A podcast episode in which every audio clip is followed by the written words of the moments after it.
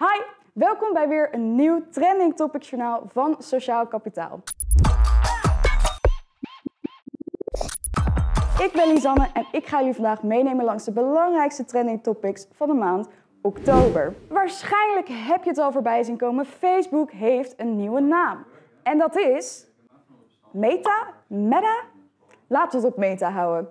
De nieuwe naamsverandering gaat niet over de app op je telefoon, maar over het overkoepelende bedrijf. Facebook heeft natuurlijk al WhatsApp, Instagram, Oculus overgenomen en Mark Zuckerberg is er nog niet klaar mee. Hij heeft grootse plannen, dus daarom dacht hij, een naamsverandering kan natuurlijk niet langer op zich laten wachten.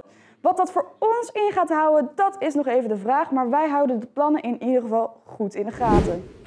het was druk op het kantoor van Instagram, want ik heb wel drie updates die jouw leven een heel stuk makkelijker zullen maken. Niet voor iedereen is het handig, maar wij zijn er heel erg blij mee. Je kan eindelijk Instagram posts plaatsen via je laptop, desktop, je computer dus. Nou, we hebben er lang op gewacht. Je dacht misschien dat kon al lang via Facebook, maar nooit via Instagram zelf. En nu kan het dus eigenlijk? Ja, we zijn bijna af van link in bio. We waren nog even gewend aan het raken dat de influencer swipe up is verdwenen en veranderd is in de stickerklik. Maar die is dus nu voor iedereen beschikbaar. En niet alleen voor de influencers vanaf 10.000 volgers. Goed nieuws dus, jij kan ook gewoon je linkjes in je stories gaan zetten, dus ga aan de slag. Oeh, dan nu een klein momentje stilte. We hebben namelijk iemand verloren. Instagram TV is niet meer. Die is verruild door een videotab op elk profiel. Dat betekent dat je alle video's gewoon op één plek terug kan vinden. Eigenlijk best makkelijk.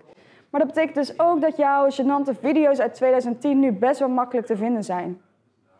Um, ik moet even iets gaan verwijderen. Ja, nog meer goed nieuws. Misschien herinner je je nog wel dat in een ver, ver, ver, ver, ver verleden alles op een chronologische volgorde onze oogballen ongefilterd binnenkwam.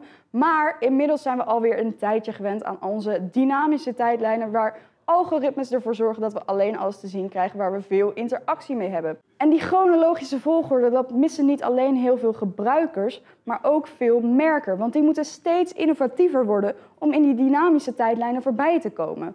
Maar goed nieuws, Twitter gaat dus een test doen met een switch tussen dynamische tijdlijn en de chronologische volgorde tijdlijn. Wat fijn is, waardoor je waarschijnlijk meer te zien bent. Wij zijn benieuwd hoe deze test gaat verlopen, dus wij houden het zeker in de gaten. Als je hier via Instagram bent gekomen of je hebt de titel gelezen, ben je misschien even geschrokken omdat LinkedIn ermee stopt. Ja, alleen we hebben misschien een kleine clickbait gebruikt, want LinkedIn stopte niet hiermee, niet in Amerika, maar wel in China. Het werd het platform zo moeilijk gemaakt met alle wetten, regels en censuur. Dus ze pakken de koffers en ze gaan er vandoor. Net als alle andere Amerikaanse platformen hebben ze het daar niet uit weten te houden.